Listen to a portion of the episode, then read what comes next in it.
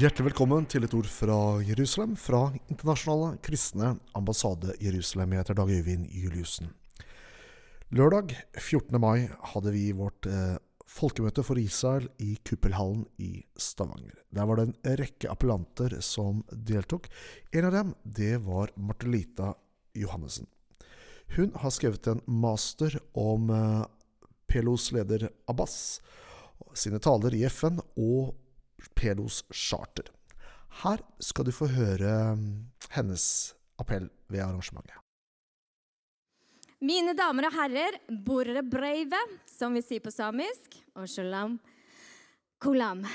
Det er en ære å være her iblant dere, og det er med et ydmykt hjerte jeg står fremfor dere. Jeg som person liker aller best å fokusere og snakke om alt som er positivt, og særlig alt det som er positivt med landet Israel og det jødiske folk. Men beklager å måtte si det at den oppgaven som jeg skal presentere i all kortfattighet i dag, er jo ikke så positiv.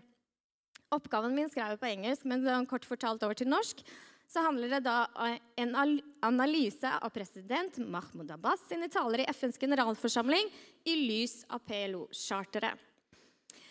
Eh, I oppgaven kritiserte jeg tydelig bl.a. de palestinske myndigheters holdning til de såkalte martyrer. Children of the Stones, altså barn av steinene. Konseptet og målet med den palestinske revolusjonen. PLO sitt charter, altså det uoffisielle reviderte versjonen. Og holdningen deres til fred samt muligheter for løsning og samarbeid med Israel, som har blitt avslått. Denne oppgaven har jo selvfølgelig ingen magiske åpenbaringer, for det er allerede åpent til skue. Fremfor det internasjonale samfunnet eh, presenterer Abbas et myndighetsapparat som er forpliktet til en ikke-voldelig kamp og frigjøring av territorier. Et eh, PA og PLO som bekjemper terrorisme sammen med det internasjonale samfunnet. Et PA som er fredselskende, som arbeider for demokrati og menneskerettigheter. Han presenterer også et PA som lider, og som er kontinuerlig ofre pga. den rasistiske okkuperende staten Israel. Dette er dessverre løgner og narrativer som har blitt presentert så mange ganger til at det har blitt til slutt en sannhet for mange. For i 2019 satt jeg hjemme hos en mann og en familie utenfor Betlehem. Mannen i huset var ansatt i en militær avdeling. Hans ord var som følgende rundt tematikken om Israel. Du vet, våre problemer skyldes ikke Israel.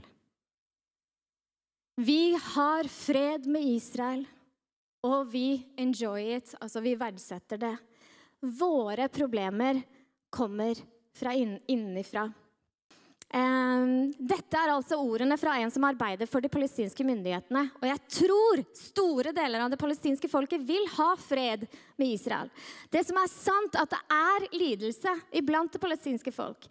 Men lidelsene grunner ut ifra deres egne lederes manglende kjærlighet til sitt eget folk. Og deres behov for fred, fremgang, utvikling og velstand. Norad uttalte i 2017 at til tross for tung internasjonal bistand og finansiell støtte til fredsfremmende arbeid, er effekten av dette høyst usikker. Dette grunnet den massive korrupsjonen som finner sted blant palestinske myndigheter. Norge gav 881 millioner i 2020 for fredsbygging. Noe som ikke har vært, vist seg å være gunstig for folket, men heller for individene som innehar høye posisjoner i palestinske myndigheter. Dette er bistand som skulle gå til folket for å fremme økonomisk vekst, styrke helseinstitusjonene, fredsbygging og stabilitet med Israel. Men isteden legger Abbas skylden på de økende interne problemene blant folket sitt på Israel mens han selv misbruker den økonomiske støtten som er gitt. Han setter den kontinuerlige palestinske revolusjonen og PLOs frigjøringskrig fremfor sitt eget folks behov. Dere overlever, sant? Ja? Ok. altså, Enorme mengder av internasjonal det blir jo litt repetisjon, enorme mengder av internasjonal bistand blir altså gitt for å hedre familiene til de såkalte martyrer og utbetaling til lønn til domfelte fanger i israelske fengsler gjennom programmene som det palestinske fangeloven nummer 19 og den palestinske myndigheters martyrfond. Dette er brudd på de internasjonale traktater og resolusjoner samt Oslo-avtalen som ble undertegnet i 1993. Dette gjør den økonomiske bistanden til verktøy til støtte for terrorisme. De norske midlene er dermed indirekte med på å bidra til en ytterligere forlengelse av korrupsjonen i Palestina palestinske myndigheter samt de interne problemene i samfunnet og forlengelse av konflikten med Israel. Mangelen på en solid anerkjennelse av Israel, ikke bare som en jødisk stat, men også en stat i det hele tatt, er dypt innpodet i palestinernes innenrikspolitiske narrativ. Og det er barna, det er de palestinske barna som også blir hardt rammet av propagandaen som gjennomsyrer så mye av samfunnet. Skolebøkene hedrer martyrer som er dømt for drap på sivile. Den relativt nylige rapporten fra Impact SD viste at skolematerialet som er brukt, ikke nevner fred i det hele tatt. Fred nevnes ikke som et ideal, mål eller mulighet. Heller ikke fredskapning eller mulighet for fred. Det gir derfor ingen rom for refleksjoner om sameksistens med jøder eller israelere til de palestinske barna. De blir heller fremstilt med at det å ofre sitt blod for revolusjonen er en hederlig ting å gjøre. Og hvis du dør ved å gjøre det, så vil du bli hedra. For nesten 30 år siden ble de palestinske myndighetene gitt eneansvaret for det palestinske folket. De utfordringene de hadde internt da og nå, kan ikke løses av det internasjonale samfunnet. Det må utledes fra de palestinske myndighetene selv. Det som er sant, er at Israel ønsker det palestinske folket en fremtid, håp, utvikling, samarbeid og velstand, og ikke minst fred. Det er tid for å stå for sannheten, for en dag skal jeg stå ansikt til ansikt med Han som er selve sannheten. Takk for meg. Ja, det var eh, Martelita Johannessen du hørte her, som har skrevet en masteroppgave om eh, Abbas sine taler i FNs generalforsamling opp mot PLOs sitt eget charter. Nå får vi musikk.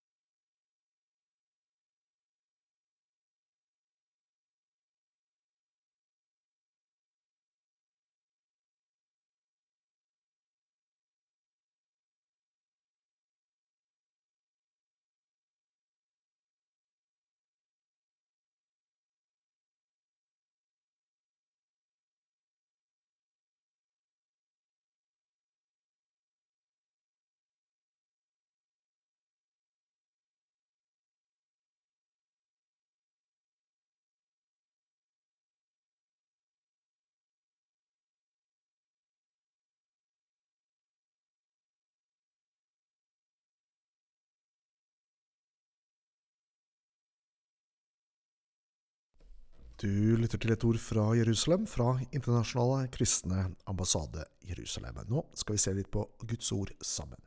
I Jesaja kapittel 62 vers 1 så står det sånn. For Sions skyld vil jeg ikke tie, for Jerusalems skyld vil jeg ikke være rolig, før hennes rettferdighet bryter fram som lysglans og hennes frelse flammer som en fakkel. Og Det er interessant at Guds ord sier at vi ikke skal tie for verken Sions skyld eller for Jerusalem. Og det er noe med at dette jødiske folket og denne nasjonen gjennom alle generasjoner står i en kamp, hvor vi som kristne er kalt til å stå med som både forbedre og i å stå sammen med dem. I eh, Esters bok kapittel fire så leser vi om eh, Mordekai og Ester. Ester ble til redning for det jødiske folket fordi Haman hadde fått kongen til å utstede et dekret som skulle utslette det jødiske folket. Og vi leser i Esters bok, kapittel 4, vers 12, så står det sånn. De fortalte Mordekai hva Ester hadde sagt. Mordekai ba dem si til Ester, tro bare ikke at du, den, e, at du som den eneste av jødene skal berge livet fordi du er i kongens slott. Og så kommer det. For om du tier, sti, tier stille i denne tiden, vil hjelp og redning komme til jødene fra et annet sted. Mens du og din fars hus vil gå til grunne. Og hvem vet om det ikke er for en tid som denne at du har fått dronningverdighet. Her i denne fortellingen så manes dronning Ester til å stå opp for det jødiske folket som var truet. Og jeg tenker at på samme måte så maner Gud, oppmuntrer Gud sin menighet til å stå opp for det jødiske folket i våre dager, og for nasjonen Israel som trues på så mange måter. Vi kan være tause tilskuere, eller vi kan tvert imot være Guds medarbeidere som gjenoppretter denne nasjonen i våre dager, og som, stå, som står opp sammen med det jødiske folket. Bibelen sier i ordspråkene at en bror er født til å hjelpe i nøden. Og jeg tenker at er det noen som er kalt til å hjelpe dette folket i vanskelige tider, så er det oss som kristne. Du har lyttet til et ord fra Jerusalem, fra Internasjonale kristne ambassade Jerusalem. Jeg heter Dag Øyvind Juliussen, takker for følget og ønsker deg Guds rike velsignelse.